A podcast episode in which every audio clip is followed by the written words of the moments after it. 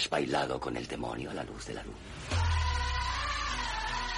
El bobo habla sin cesar, pero el listo escucha. ¿Hablas conmigo? ¿Estoy de cachondeo?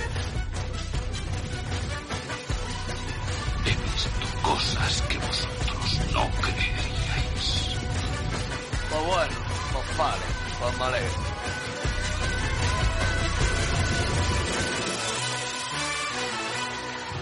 Si no me escuchas, vete al infierno. Anda, alégrame el día. Hola, bona tarda, benvinguts i benvingudes a un programa més, una setmana més de cinema a la Gresca, el millor programa de cinema de l'univers. O bé, potser ens estem flipant una mica, o potser no, perquè almenys nosaltres ho sentim així i estem super, super contents de tenir-nos aquí una setmana més per parlar-vos de tot el cinema, de tot el setè art i de tot el que ens encanta tot aquest món. Jo sóc la Laia Vidal, per, eh, la, doncs, la presentadora de la cinquena temporada de Cinema a la Gresca, com bé ja sabreu, els oients més fidels. I si és la primera vegada que estàs escoltant aquest programa, doncs bé, espero que t'agradi, que el gaudeixis al llarg dels 50 minuts que ens esperen parlant de mm, diferents eh, facetes i diferents seccions d'aquest món, d'aquest món que tant en, ens agrada, el món del cinema. M'acompanya, com no, com totes les setmanes, el nostre estimat també Raül Navarro. Molt bones. Molt bona tarda, Laia, amb la sempre força que, que, que, que La motivació dones que ens dona, de, que ens, que ens dona la intro. Sí, sí, sí. Aquesta intro que ens agrada tant. I també home de les mil tecles, com sempre. Sí, també. Ja, ja també és el teu, la teva dualitat d'aquesta Tu ets cinquena temporada, tam- també. la presentadora de, de la cinquena temporada, jo sóc el tècnic de la De cinquena, la cinquena, temporada. temporada. Exacte, i a, part, i a part d'això doncs anem parlant també i tot. No? Un dia, Com un dia sempre. Canviarem, un dia canviarem, ja ho veuràs. Un dia canviarem. Farem un switch. Sí. A veure com surt aquell programa. A veure, a veure. No confio molt, però... No, no, jo no estem confio aquí en per mi. experimentar. A nosaltres ens agrada totes aquestes coses. Aquest és el nostre... És la nostra essència. Sí, i el nostre Exactament. pecat, el no tenir por. Ens podeu escoltar des de Ràdio Molins de Rei, també des de Sant Just d'Esvern, també a partir de l'Spotify i de l'Evox, també tenim els nostres programes allà penjats, per si us és més còmode. Si no els podeu pillar en directe, doncs que sapigueu que ens podeu escoltar, sigui de dia, sigui de nit, sigui a la matinada, sigui a la posta de sol, en qualsevol moment del dia, estem aquí per eh, oferir-vos contingut, tot el contingut que vulgueu. També ens podeu trobar a les xarxes, a arroba cinemalagresca, estem a Twitter, a l'Instagram, al Facebook, també.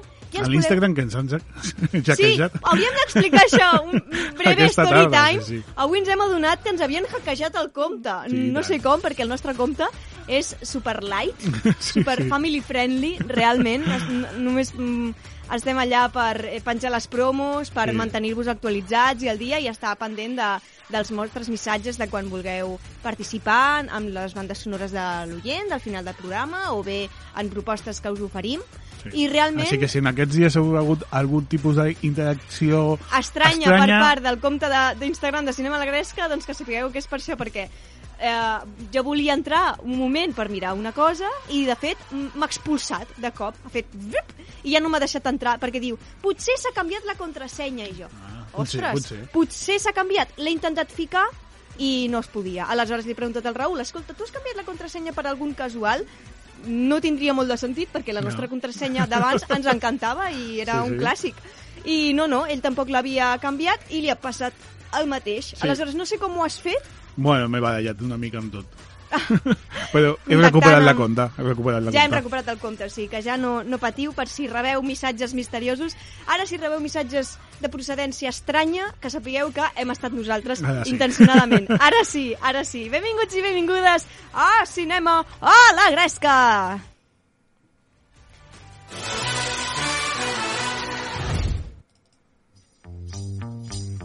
Uau, i s'havia quedat aquí enganxat, eh?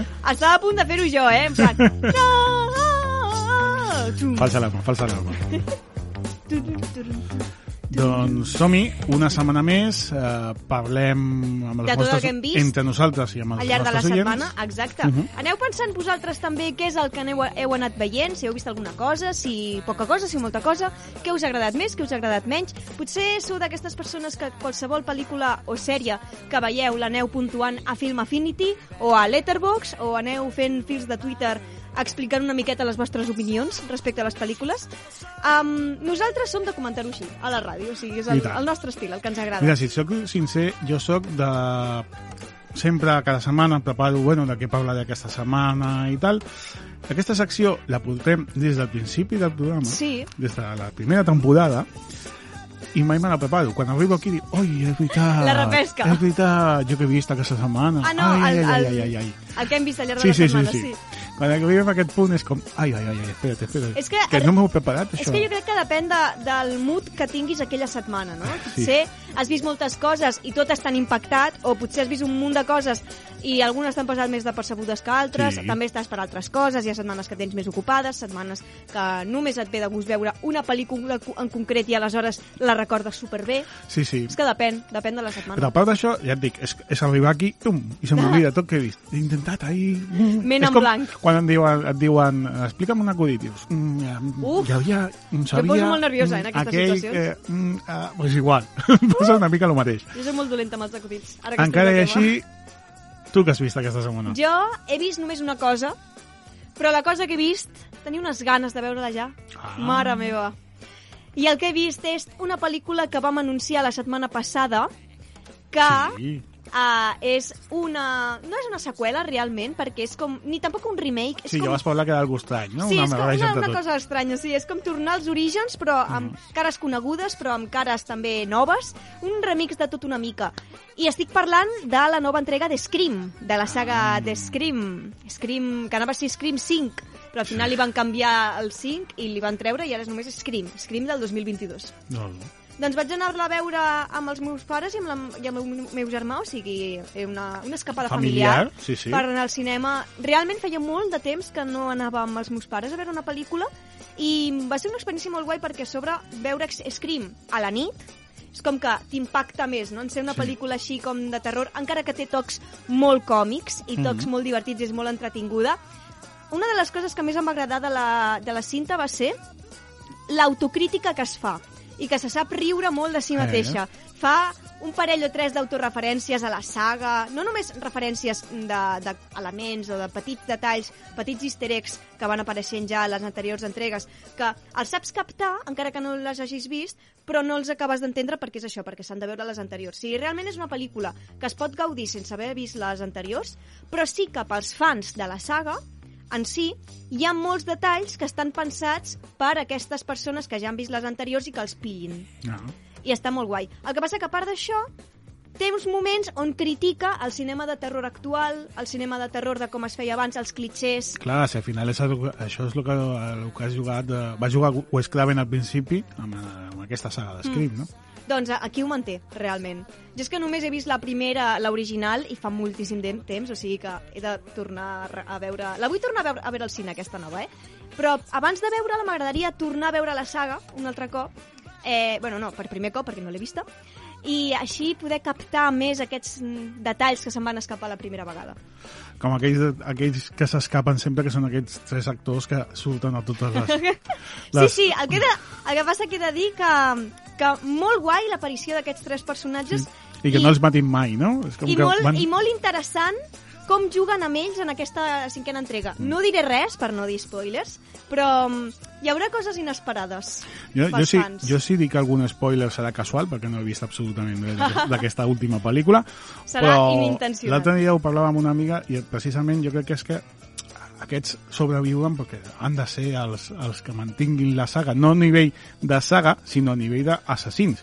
Jo crec que tot està eh, muntat per ells tres. Sí, tots els assassins de, inici. de cada entrega tornen a la, a la a les andades perquè tenen alguna cosa a veure amb aquests tres protagonistes Ai, del ai, ai. principi. Si, si es moren o si ja no estan, Ja no ja ha. no té sentit que hi hagi Ah, assassins. Clar, clar. No diré res respecte a la- la- l'assassí en qüestió, però, Home, òbviament, malament, si no. òbviament, però és una pel·lícula molt entretinguda que val molt la pena si t'agraden les pel·lícules de terror. Té, uns, té una escena en, en qüestió que juga amb les portes, d'una manera amb les portes i amb el so.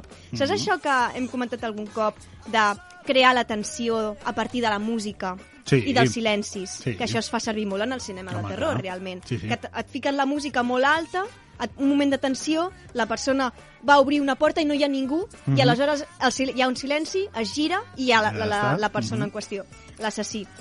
Doncs aquí juguen amb això, però a l'extremo. Clar. I està molt ben muntat. Molt, molt guai. va ser, aquella escena va ser super guai, va ser molt tensa, i no et creuràs, Raül, el que ens va passar. Eh, segurament no, perquè ni m'ho imagino ara Vam mateix. tenir la sala per nosaltres sols! Què dius? Ah, Un altre cop! Per tots quatre? Per, pels quatre sols. Vam anar, vam anar a un cine que jo no coneixia realment. Era on abans hi havia el Tinesa, de Cornellà, um, Sí. que era, és un centre comercial on hi ha un Eroski Bueno, i tot, sí, que, està, que està al costat sí, del, del, al de les vies Llobregat. del tren. Sí, del No? Llobregat. Llobregat. Exacte, doncs allà abans hi havia un. Tinesa. Sí. Doncs aquest Tinesa el van tancar Sí.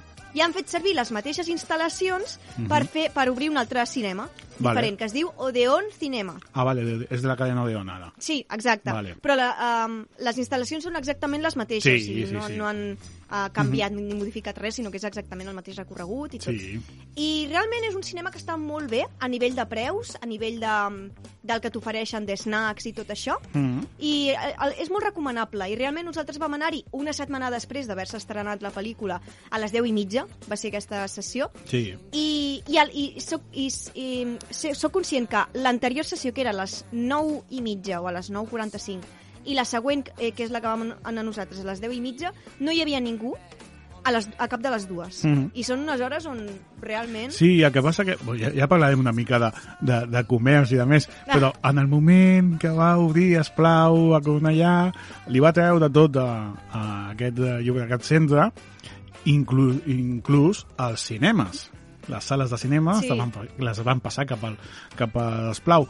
I a partir d'aquí sí que va obrir eh, Cinesa, com dius tu, però que el, el moviment de, de foro de gent que, que es mou per dins d'aquest centre comercial és més, més aviat baixet. Sí, que passa que jo, jo me'n recordo quan anava al Cinesa d'aquí de, de Llobregat, Mm. que, que sí que s'omplia, eh? Realment. Sí, potser, no, no. potser era per les sessions on anava. Però també, suposo que també influeix, bueno, ja, ja influeix en moltes coses, eh? però suposo que també, També et dic que vam de que, dimecres, eh? el fet de que hagin, eh, hagin eh, tancat un temps, tot això... Ja, doncs, això també influeix. jo, per exemple, no exactament. tenia ni idea que havien reobert. Doncs ara, ara ho saps, i la gent que us interessi realment, de preus, de preus està superbé, no només els dies de, de cada dia, que normalment sí que solen haver-hi uns preus més assequibles, no només això, sinó els divendres mm, propis de les estrenes i els caps de setmana, que normalment als cinemes eh, hi ha com... O sigui, costen com 9 euros, 10 euros, així. O sigui, es flipen bastant amb els preus. En aquest cas, no. En aquest cas mantenen uns preus bastant xulos. Per tant, és un bon cine amb un bon... Sembla que els estigui fent publicitat, malament. Sí, eh? Que, però és que m'agrada molt l'experiència, potser perquè estàvem els quatre sols també i vam poder estar allà comentant la pel·li tranquil·lament amb, amb veu alta i tot. Sí, no, veus, això sí que ho És té que, guai. és que tot influeix, realment la vaig, claro. la vaig gaudir molt. Els meus pares potser no tant perquè no estan tan ficats en, en Scream, en la saga de Scream. Vale. El meu pare, sobretot. La meva mare sí que la va gaudir més, tot i que hi havia escenes bastant fortes a nivell de, de gore i això, i aleshores havia de, de girar el cap. Vale. I tal. Però jo, com m'ho- prenia a, a riure, doncs, No, sí. doncs me, la, me la vaig gaudir. Molt bé, molt bé. Una bona experiència, llavors. Sí, sí, realment. Bueno, aquí m'he enrotllat, que vamos. Molt bé, molt bé. Tu, Raül, què? Què ens jo, expliques? Jo continuaré a la saga de- d'una mica el que venia fent últimament i us parlaré d'una altra sèrie. Una Mhm. minissèrie, en aquest cas, eh, és de Netflix, eh, és una minissèrie eh, sueca, Mhm. Sobre polici és policiaca, per dir-ho, vale? eh, es diu Persones ansioses. Hola, no l'havia Vale? sentit. Pues, si no l'heu vista, és entretinguda, són 8 capítols d'uns 20 minutets cadascuna. Ah, doncs és curteta, és realment. molt, molt assumi- assumible i és una mica... Sí, en, una... en dues hores, un parell d'hores o, o dues hores i mitja te, la, te les Sí, sencera. i, i inicia la història amb una mica de com de, de Agatha Christie, com que qui ha sigut, on està i tal. Vale? És una mica eh, un atracament en un banc, eh, l'atracador es fica en un pis de venda que estan, estan venent, estan mostrant al públic. En aquell moment hi ha un munt de gent que està veient la casa aquella per comprar-la, perquè és com un dia de portes obertes, Mm. i eh, en el moment que, després de moltes hores de segrest i de més, en trauria amb veïns, bueno, en trauria amb veïns, amb els que estaven allà, eh, una vegada eh, mm, eh, rescaten els veïns i la policia aconsegueix entrar al pis, no, hi ha, no se sap res del, Oh. de I, I l'atracador. els propis rens no saben tampoc. I els propis rens estan amagant tota algo. Ah, Llavors, tota la sèrie, això és el primer capítol, tot, i a partir d'aquí la sèrie és el, el policia, perquè el bo que té i el que m'agrada a mi d'aquestes sèries és el, uh, uh, lo normal que són els personatges, lo normal sí. que són els personatges, no són els Quotidians, típics que, que te'ls quotidians. podries trobar com a veïns. Correcte, que no són els típics guapetes, que no sé què, que no, no, no, no, no, no. Són, de fet, els Són, policies com són... es diria en castellà, persones de a pie. Els policies són com si fossin dos monillos, o sigui, i són pare, pare i fill. I, Ostres. I són dos personatges, o sigui... Però és, és interessant. No, és que realment la gent, la gent habitual que ens trobem en el nostre dia a dia són, tots són I personatges. tant, tots realment. són personatges i, i normalets el que més. a la nostra manera, exacte. Doncs Escolta, això. doncs que curiós. Sí, sí, ja l'he dit. A mi la, la veritat és que m'ha agradat Només té bastant. una temporada, per això. Sí, sí, sí. De fet, és que es tanca tranquil·lament. Eh? Ah, vale, Ja per... No, no, clar, no, és una minissèrie, És minissèrie, és minissèrie. Vale, vale, vale. Sigui, no es planeja fer cap més ni res. No ho crec. No, no hi ha molt més Doncs mira, doncs una coseta lleugereta de I tant. sèrie, si, si voleu una sèrie curteta així, doncs ja teniu recomanació del Raül. I I, si per voleu- part nostra, doncs en, ens anem a la meva estimada ciutat, així, amb totes les estrelles i tot. Però en aquest cas no són estrelles, sinó que són estrenes perquè us dono la benvinguda a la ciutat de les estrenes.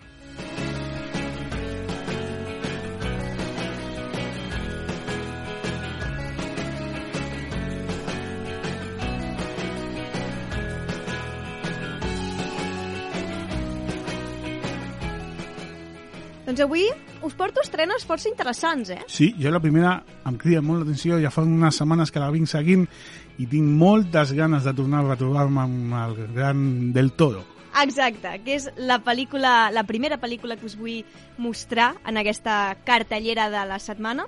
És la última pel·lícula del Guillermo del Toro, aquest director eh, d'altres pel·lícules com El laberinto del fauno, que ens agrada tant al, al Raül i a mi, La forma del agua, La cumbre escarlata o Hellboy, també creador de, de totes aquestes pel·lícules, doncs tenim El callejón de las almas perdides, pel·lícula dels Estats Units produïda per Searchlight Pictures, distribuïda per Walt Disney Pictures. M'encanta la música que has, les que has posat de fons. Eh, en aquest cas, es tracta d'un remake d'una pel·lícula del 1947. Oh. Per tant, ja calia un remake, eh? O sigui, és un... Sí, no? És, és un, un d'aquests casos on un remake està justificat. Sí. Perquè Amb després... Guillermo del Toro, sí. Després, et, i, i més si és per Guillermo del Toro. Després et trobes remakes que són de pel·lícules que es van estrenar l'any passat o fa dos Sí. anys, que és com, com una que, No que, calia. com una que, de la qual parlaré després, que, que és com, no, però què estàs fent? O sigui, ja, ja, ja està bé amb Sí, una, sí. eh? Que la gent la gaudeixi i la descobreixi. Clar, quan fas remakes de pel·lícules molt eh, distanciades en el temps, es Pots pot, veure la es pot- diferència. No, i es pot arribar a entendre, perquè al final sempre s'ha fet, eh, els remakes, sempre, Sí. absolutament sempre. No és una cosa Però, rara. per això, però clar, si estan distanciats en el temps, dius, bueno, estàs buscant un públic nou. Amb Clar. la mateixa història estàs buscant un públic nou, però quan és d'un any per l'altre, com que, que diu, dius, mm, Sí, a veure, no cal, el públic no és el cal, mateix, realment. el target que trobaràs és exactament el mateix. Com el que van fer, per exemple, amb la, la Dama i el Vagabundo, que van fer un remake fa poc, Sí, que aquesta és una pel·lícula dels 40, no, dels 60 o dels 50, la Mm. de la Dama i el Vagabundo. Sí. Vull dir que en aquest cas doncs, estaria més justificat o el Libro de la Selva, per exemple, que han fet Sí. diversos remakes, però remakes, per exemple, del Rei León, jo crec que pod es podia esperar una miqueta més, eh? a fer-lo de Mulan, per exemple. Però bé, això ja és- una altra història. En aquest cas Va estem gustos, parlant exacte d'un thriller psicològic i dramàtic que dura dura bastant, és de dues hores i mitja, la veritat, és llargueta. oh, no ho havia dit mai. Ah, Venint del Toro, veritat. I el repartiment doncs, és força interessant, també. Tenim noms coneguts com Bradley Cooper, eh, actor a Ha nacido una estrella, amb la Lady Gaga, a Mula, la, una de les últimes pel·lícules del, del Clint Eastwood. També a Juego de Armas va aparèixer. També tenim la Kate Blanchett, és eh, una actriu que surt a La casa del reloj de la paret, per exemple, i a la recent No mires arriba, de Netflix, també hi apareix. També tenim a Rooney Mara, que ha sortit a pel·lícules com Carol, Lion, A Ghost Story, Her, Maria Magdalena, entre d'altres. I per últim també apareix Toni Collette. És un, una actriu que ha sortit a Puñales por la espalda o Estoy pensando en dejarlo. En, en aquest cas, El callejón de las almas perdides és una pel·lícula que ha estat en diverses nominacions i diversos, mm, diversos tops, per Sí. sí. dir-ho. Per exemple, és, uh, estan al top de les 10 millors pel·lícules del 2021 per dues organitzacions, que són el National Board of Review i l'American Film Institute. Vale. Així, no? Superprestigiosos. Uala. I I després... sí, sobretot com a noms, eh? Sí, sí, sí, real, realment. És que si ho dius tot en anglès, doncs sona com més Per això dic prestigiós, que tot és millor, sí, sí. I després també té diverses nominacions. Uh, per exemple, als Critic Choice Awards. En té 8 nominacions. També el sindicat d'ac- d'actors va rebre una nominació a l'actriu secundària per la Kate Blanchett. També l'Associa- l'Associació de Crítics de Chicago li va donar dues nominacions i, per últim, l'Associació de Crítics de Los Angeles li va donar també una nominació, en aquest cas, a millor disseny de producció. Per tant, diverses categories on, en les quals hi destaca aquesta Va ser pel·lícula. vieta, va ser vieta. Realment sí. Sí, I, Es va posici- posicionant. Exacte.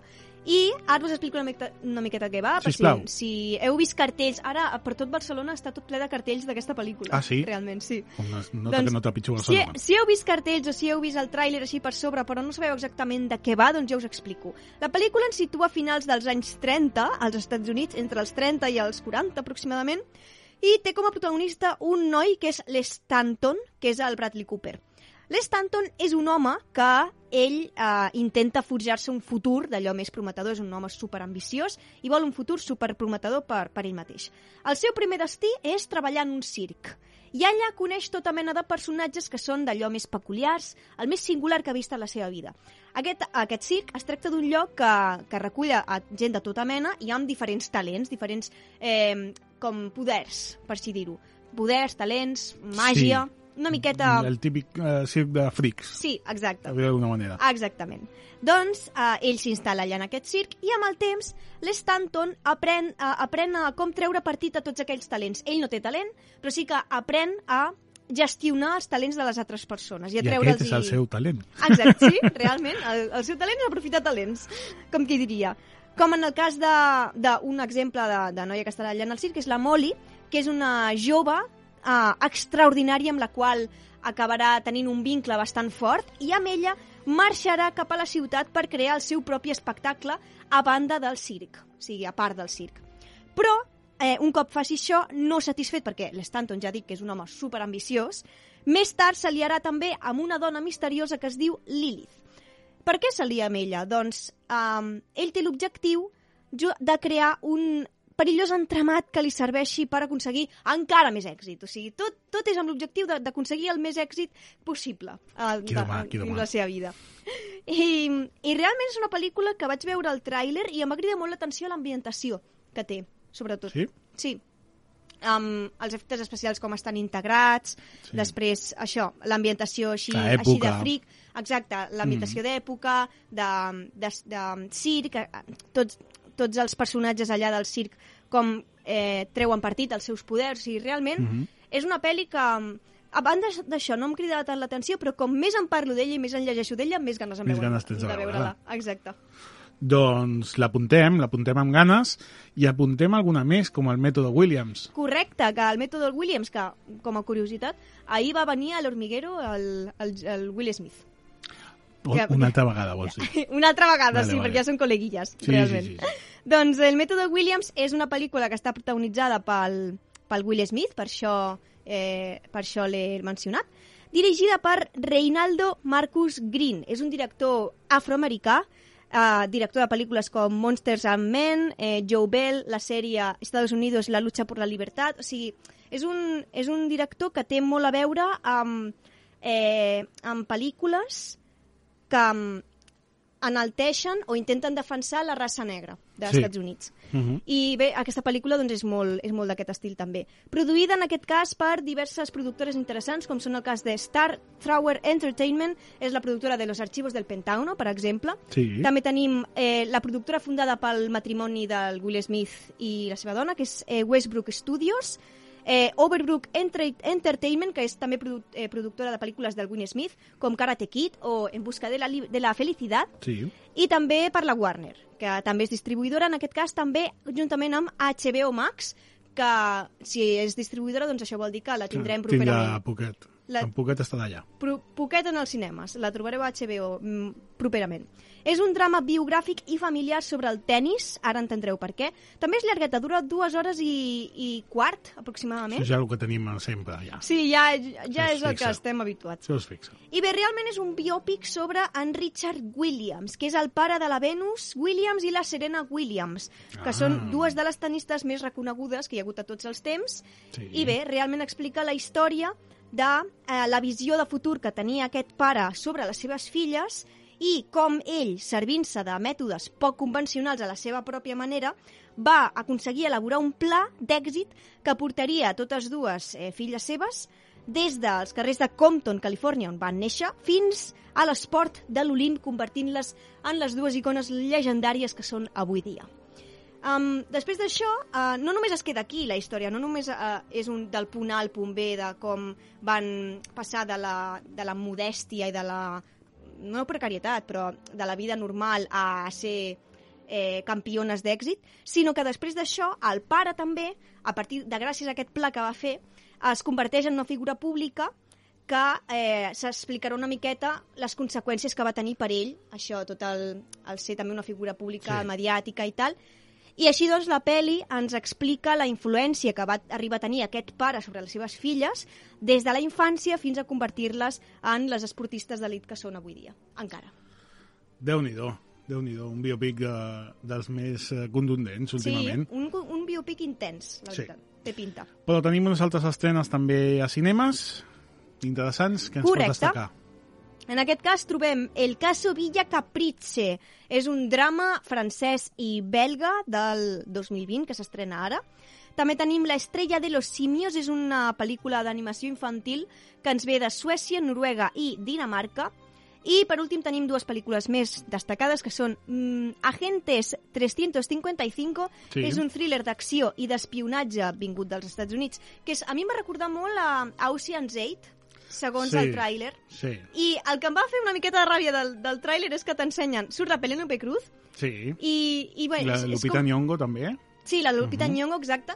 I són eh, com quatre o cinc dones o sis que venen de diferents parts del món i totes són espies i eh, s'uneixen doncs, per, fer, per uh, donar a terme portar a terme una missió. Uh -huh. Doncs la Penélope Cruz és la, la espia colombiana, que és com...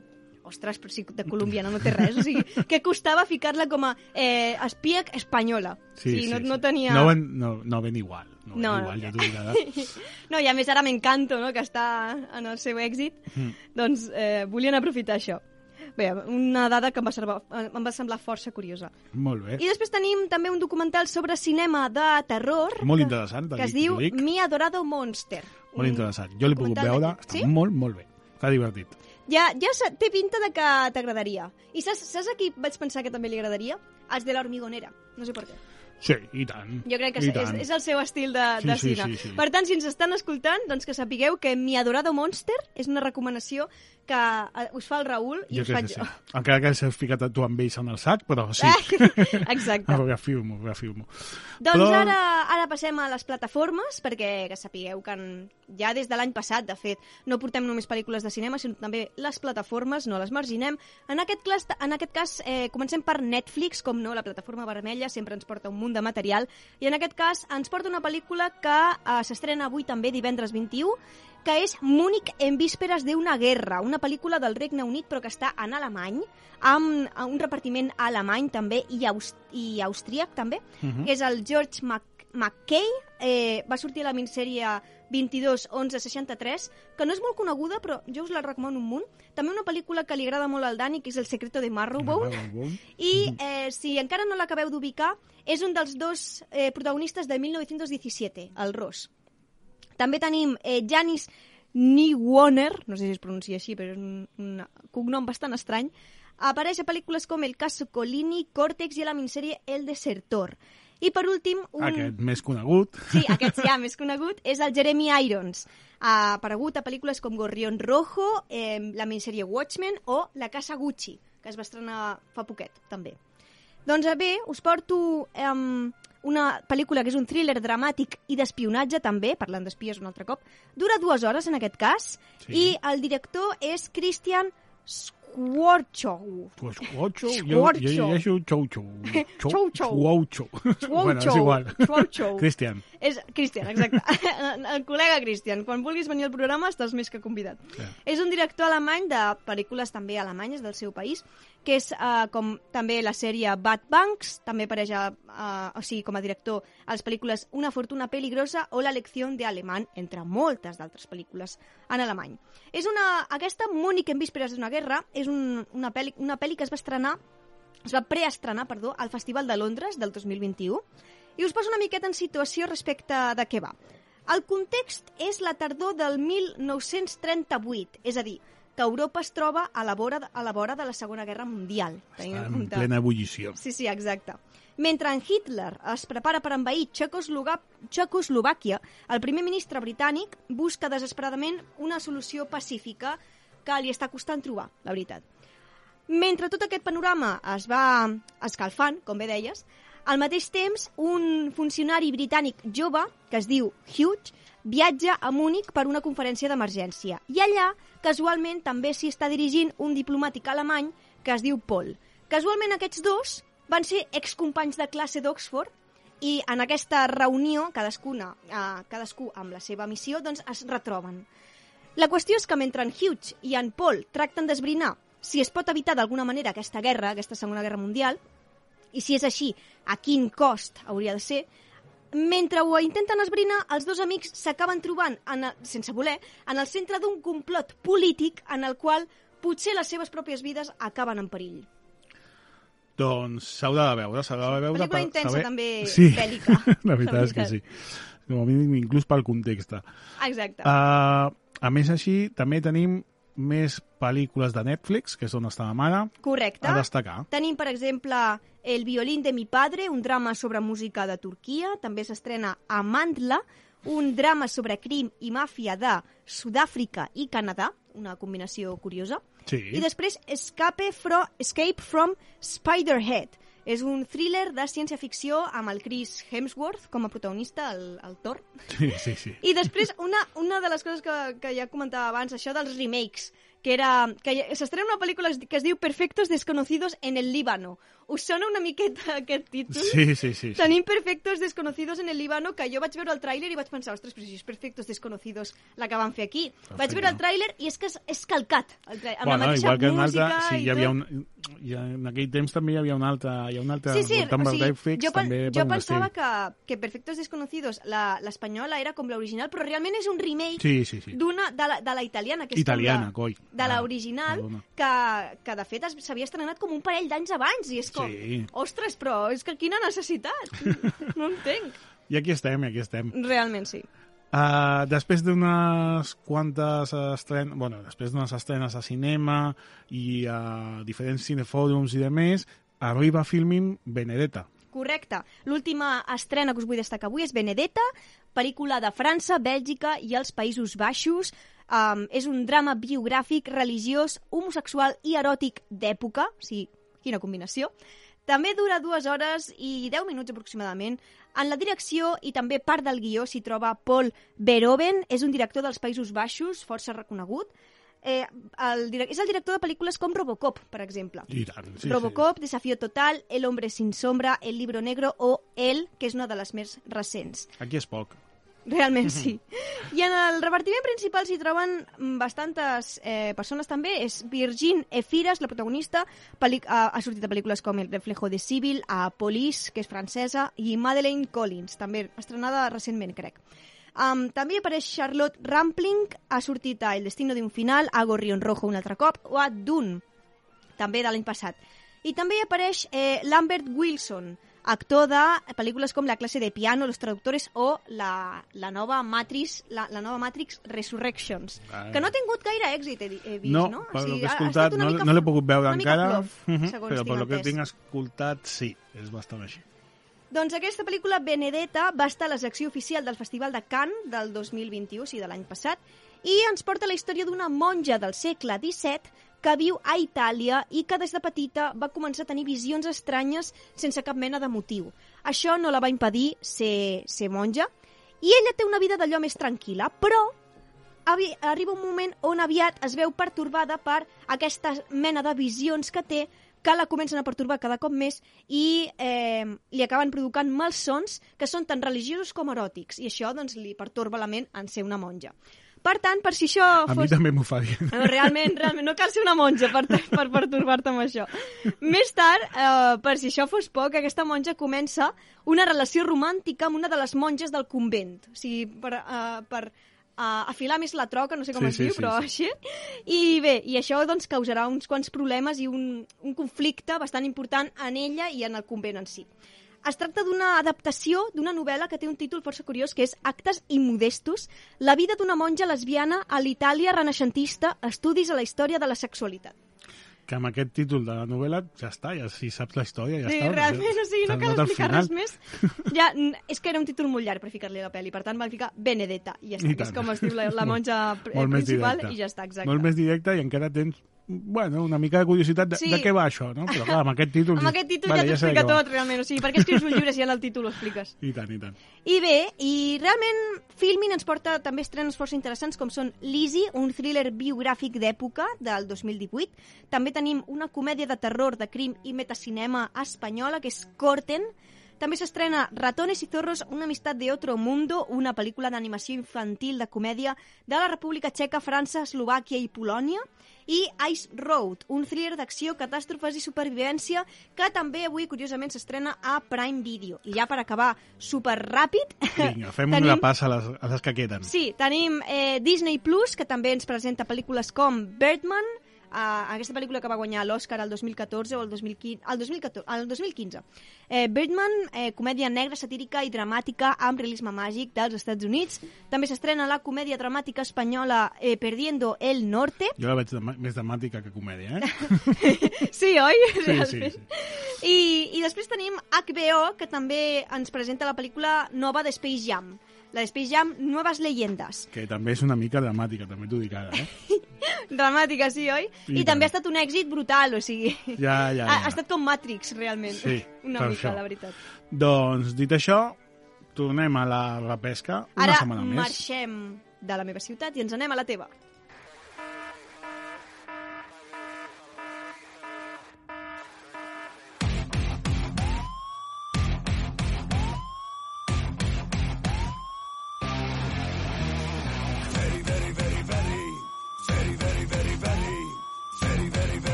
La teva ciutat, que és molt més estrambòtica, eh? Sí, avui he, he arribat a l'estrofa i tot, eh? He Sí, deixat sí, una sí, miqueta eh? per arribar a l'estrofa.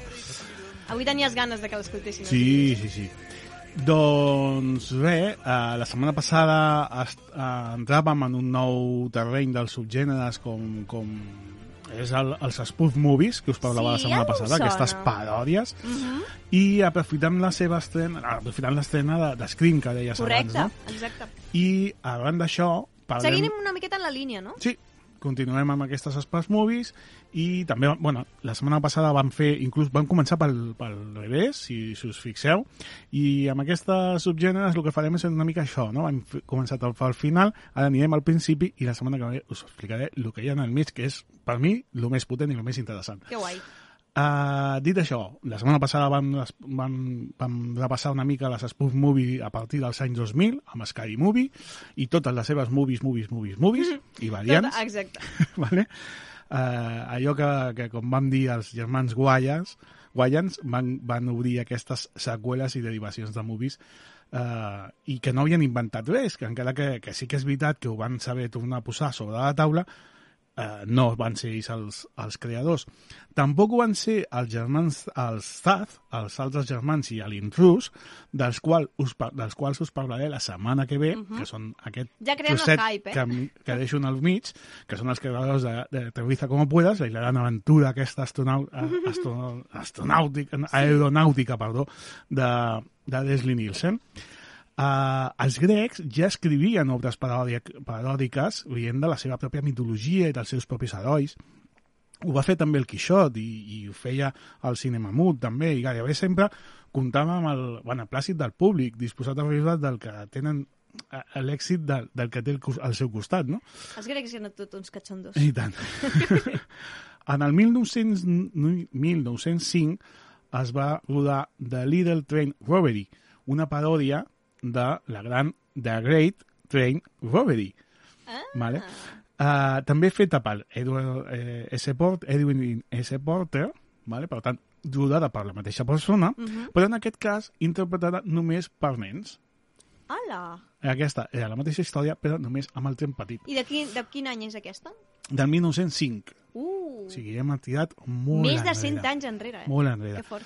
Però fins i tot, depenent eh, on voldríem posar la línia fin, de, de, de, de l'spoof movie, inclús podríem ficar inclús el gran dictador de Chaplin, no? Podria ser, arribar a ser Sí, un spoof correcte. movie, encara que un dels de, de fets històrics en comptes de- d'una pel·lícula, no? O d'un gènere. El gènere també es remunta fins als anys 40, quan Abbott i Costello es trobaven a les seves odisees còmiques amb Frankenstein, Boris Karloff, L'home invisible, Mr. Hyde, La mòmia, la plana major dels monstres d'Universal, de tots aquells que van parlar a l'octubre amb aquells especials de repesca. Que ara estan a Hotel Transilvània, la nova. També. A Amazon Prime. També. Eh, un altre clàssic d'aquest duo d'Abbott i Costello, les mines del rei Salmonete.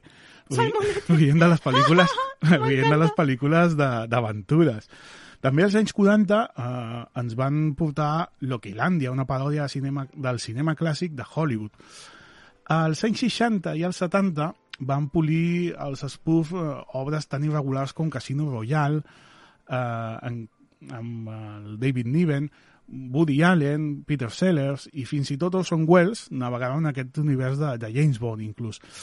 O la valenta Silent Movie, eh, amb la qual Mel Brooks s'atrevia a fer una pel·lícula muda per al públic generali- generalista després d'anys de sequera. Uh, va ser precisament Brooks, Mel Brooks, juntament amb els seus habituals Gene Wilder i Tom DeLuise, eh, qui va convertir el gènere en el seu estandard a través del jovencito Frankenstein, en la qual no entraré gairebé perquè ja en vaig parlar en una repesca anterior uh -huh. i evidentment la, la, el que sí que és evident és que la marcaria, marcaria el camí de, de les spoof movies posteriors. També va, va fer altres menys famoses en aquell moment, com High Anxiety, eh, que és una paròdia dels films de Hitchcock, i Spaceballs, que és la, la paròdia, és, aquí es va traduir com La loca història de les galàxies, Uau. en el 1987, una paròdia de la saga de Star Wars, encara que també inclou referències a altres pel·lícules com Star Trek, Alien, El planeta de los simios, El mago de Oz o El puente sobre el río Kwai. Sí que té nom de paròdia, eh? Eh, Mel Brooks també actua en, aquest, en aquesta pel·lícula. La pel·lícula és una absurda comèdia amb, amb infinitat de referències a Star Wars, on Vespa substitueix dignament a la princesa Leia. Lone Stars i, Vom i Vomito fan el seu torn amb, amb Han Solo i Chewbacca. Vomito, Vomito. Uau, Vomito és un gos gegant molt gran. uau, uau, uau. Gos. Com el Clifford. Sí, correcte, més o menys, però vestit, amb, amb mono de la feina. Ostres, O el malvat Darth Vader- que es converteix en casco oscuro. casco oscuro. Sí, amb un casc gegant. Home, realment, sí. Sí. sí té un Tam- casco oscuro. També podem gaudir de la versió femenina de C3PO o el mestre Yogur. Mestre En com- iogurt? Iogurt, en comptes de Yoda. No. El mestre Jedi. Li agraden els iogurts, no? Sí. Ara hauria de ser al·lèrgic a la lactosa per no poder prendre Pues iogurts. Seria irònic. I tant. Uh, no sé si en algun gag potser Ah, ho diuen, potser ho eh? No ho sé, ara no ho sabria recordar. Uh, alhora, els Monty Pythons rodaven a la seva- a l'altra banda de l'Atlàntic obres mestres que, que, que van aconseguir transcendir la gambarrada de l'espuf. Així vivim la vida de Brian, el sentit de la vida, els cavallers de la mesa quadrada, Com no, no hi podien faltar. Els, uh, Monty 2000, Python. als 2000 van entrar en joc tota aquesta franquícia de movies de què parlaven la setmana passada i mentre el terror cinematogràfic un grup d'irreductibles cineastes es va atrevir a anar sobre segur i a crear unes petites joies que amb, amb aquesta ànima de l'spoof movie però amb una mica més d'estil com Edward Wright i el binomi de Simon, Simon Peck i Nick Frost També. van ser els responsables de Zombies Party, eh, això no és de Depp, I Ja sí, que, fa... que a sobre canviar-li el nom a Zombies Party. Sí. A un nom en anglès, quan ja tenia el títol en anglès. Una I mica curiós. Uh, després també van fer Alma Fatal, que és, bueno, aquí es va traduir com Alma Fatal, uh, originalment és Hot Fuzz, uh, parodiant el cinema de zombis i, i el cinema policiac, respectivament, encara que, com dèiem, amb un estil molt diferent. bueno, més aviat amb estil. Amb l'estil que no tenien les altres, o un estil que no mm, diferent. Sí. I com, com dèiem, la setmana que ve us uh, convido a que pugueu entrar en el món dels Zaz, no? els Zucker, Abram Zuckers, Uh, que que són, curiós. van fer el gran boom d'aquest tipus de spoof movies en l'època dels 80-90. Quin nom més I curiós, segurament eh, seran les que tothom recordarà. Doncs ja tot això queda per la setmana que ve. I ens tant. crees aquí el hype. no ens podeu perdre el programa de la setmana que ve. Uh, no sé quant de temps ens queda per això. Ens queda el temps perfecte per fer tranquil·lament la recomanació que no podem fer cada setmana perquè sí, no ens perquè dona avui ha temps. estat molt breu el teu, no? Sí, avui he fet... Avui t'has relaxat bo. una miqueta. He sigut bo. perquè és veritat que sempre ens enrotllem amb tot i no ens dona temps mai de fer cap recomanació cultural. I en aquest cas tenim una recomanació cultural també que us, interess i us interessarà sobretot a la gent de Molins i del voltant i de Sant Feliu, sobretot, perquè mm, us presentem la mostra, o el festival en aquest cas, de cinema asiàtic del Cinebaix d'aquest any que tindrà lloc del 27 al 31 d'aquest mes, eh, d'aquest mateix mes, del mes de gener, i, um, i obre una finestra única cap a les cultures, conflictes i costums del continent asiàtic, des de, arribant des de l'Índia, perquè eh, Àsia no és només la Xina, Japó i tot això, sinó que des de l'Índia fins, Fins al Japó. Japó. Exacte. Per omplir amb unes jornades, amb, de fet són dues setmanes, em sembla, dues setmanes de, de pel·lícules i, i films, no només eh, actuals, que són la gran majoria, però sí que repescant també eh, pel·lícules antigues. Mm -hmm. Uh, ja diem, des, de, des del dia 27 fins al dia 31 a la tarda cada dia tindreu una pel·lícula dins d'aquest festival de cinema asiàtic en el Cinebaix de Sant Feliu. Sí, sí, de fet, estic veient que el dia 27 hi ha només una pel·lícula perquè és quan comença el festival. Sí, Per tant, o, eh, inauguren eh, aquesta mostra amb Last Film Show, una pel·lícula que comença a les set i mitja, però després, els, els altres dies sí que hi ha com tres o quatre pel·lícules, no? Realment. El dia 28 n'hi ha ah, tres. coi, sí, no l'havia vist mai. Bé, sí, sí, sí. Dia 28 n'hi ha 3, el dia 29 n'hi ha 3. Cada dia n'hi ha 3, excepte el 27, que és quan comença la mostra, que només n'hi ha aquesta inaugural. La resta teniu una pel·lícula eh, cada, cada dia, des del 28 fins al 31, a les 4 i mitja, a les 6.45 o a les 6, eh, 6 i mitja o a les 7, i després a les 9 i mitja o a les 9. Realment, més o menys són aquests trams. Tota Sí, sí, sí, com es nota que tu dones la cartellera, perquè jo m'ho he patillat tot. Des de dir que són dues setmanes, que dues setmanes? No, no. 27 al 31. Que va, que va, si, si, si és només Són 4, quatre 4 dies. realment. quatre dies. O sigui que si no us voleu Sisplau. perdre alguna, us heu de donar pressa, perquè és que només la faran un dia, realment. Eh, Hi ha una hora que, concreta. Potser ets que a aquest punt és que no, presento, no presento ja ni la, ni la banda sonora a l'oient. Te la poso com a molt. Vale, vale, doncs, bueno, si voleu saber molt més coses, quines pel·lícules s'estrenaran, allà, per exemple, hi podeu trobar aquesta inaugural Last Film Show, però també eh, tindreu La mujer de l'espia, eh, The Great Indian Kitchen, que aquesta té pinta de ser índia, no? Perquè sí, és la Indian Kitchen. Eh, també tenim Un héroe, Running to the Sky, Un segundo... Un segundo la fan dos cops, mira, la fan el dia 30 a les, 7, i- a les 9 i mitja i el dia 31 a les 7. També tenim eh, My Childhood, My Country, 20 Years in, in Afghanistan, una pel·lícula... Té pinta d'Afganistan, també La mujer de l'espia, bueno, teniu un munt. Sí, També fan pel·lícules clàssiques com Ursu Zalà, també, també ho fan. Sigui, fan, fan aquestes noves i, Fan i de tot fan, una mica, fan una exacte. mica de tot. Sí, sí, sí. doncs, sí. si voleu saber més informació, doncs ja sabeu, us podeu ficar a la web del Cinebaix i allà trobareu tota la informació pertinent. I, per últim, doncs, tenim la banda sonora de l'oient, que és com aquesta temporada ens agrada acomiadar cada programa setmanal amb una banda sonora que ens proposeu vosaltres mateixos a partir de les nostres xarxes socials a arroba cinema la gresca, com hem comentat ja des del principi. En aquest cas, l'Alicia Aguacate ens demana la banda sonora del Gran Showman eh, en, en general. En general. Però, Bueno, ha sigut concreta, t'ho dic jo. Sí? Ha sigut concreta. Ah, vale, Volia vale. la d'inici, però fem la d'inici en el nostre programa. clar, ja, comencem ja la fem com a intro seria una mica redundant, no? Correcte. Aleshores hem decidit agafar un altre track diferent sí, de la m'ho he tornat mateixa... a patillar jo. Sí. I en aquest cas el Raül ha decidit ficar The Other Side. Clar, Um, penseu, penseu que totes les bandes sonores que ens demaneu aniran a la nostra llista de Spotify Correcte, i també. clar, repetir-les seria una mica així, doncs tant intentem que siguin una mica Fiquem variades. varietat. Uh, la banda sonora sí que es pot repetir tantes vegades com es vulgui, perquè n'hi ha un munt d'opcions dins la mateixa banda sonora, però um, sempre fiquem varietat. Per tant, us deixem amb The Other Side, esperem que uh, t'agradi, Alicia, i a tots vosaltres també, i que, um, i que gaudiu molt del cinema, com sempre, com us diem cada setmana. Mireu molt de cinema, també mireu sèries, ens podeu comentar el que vulgueu a partir de les nostres xarxes o nosaltres en persona, com vulgueu, i ens escoltem la setmana que ve. Adeu-siau! Adeu. Right here, right now, I put the offer out. I don't wanna chase you down. I know you see it. You run with me, and I can cut you free out of the drudgery of walls you keep in. So trade that typical for something colorful. And if it's crazy, live a little crazy. You can play it sensible, a king of conventional, or you can risk it all and see.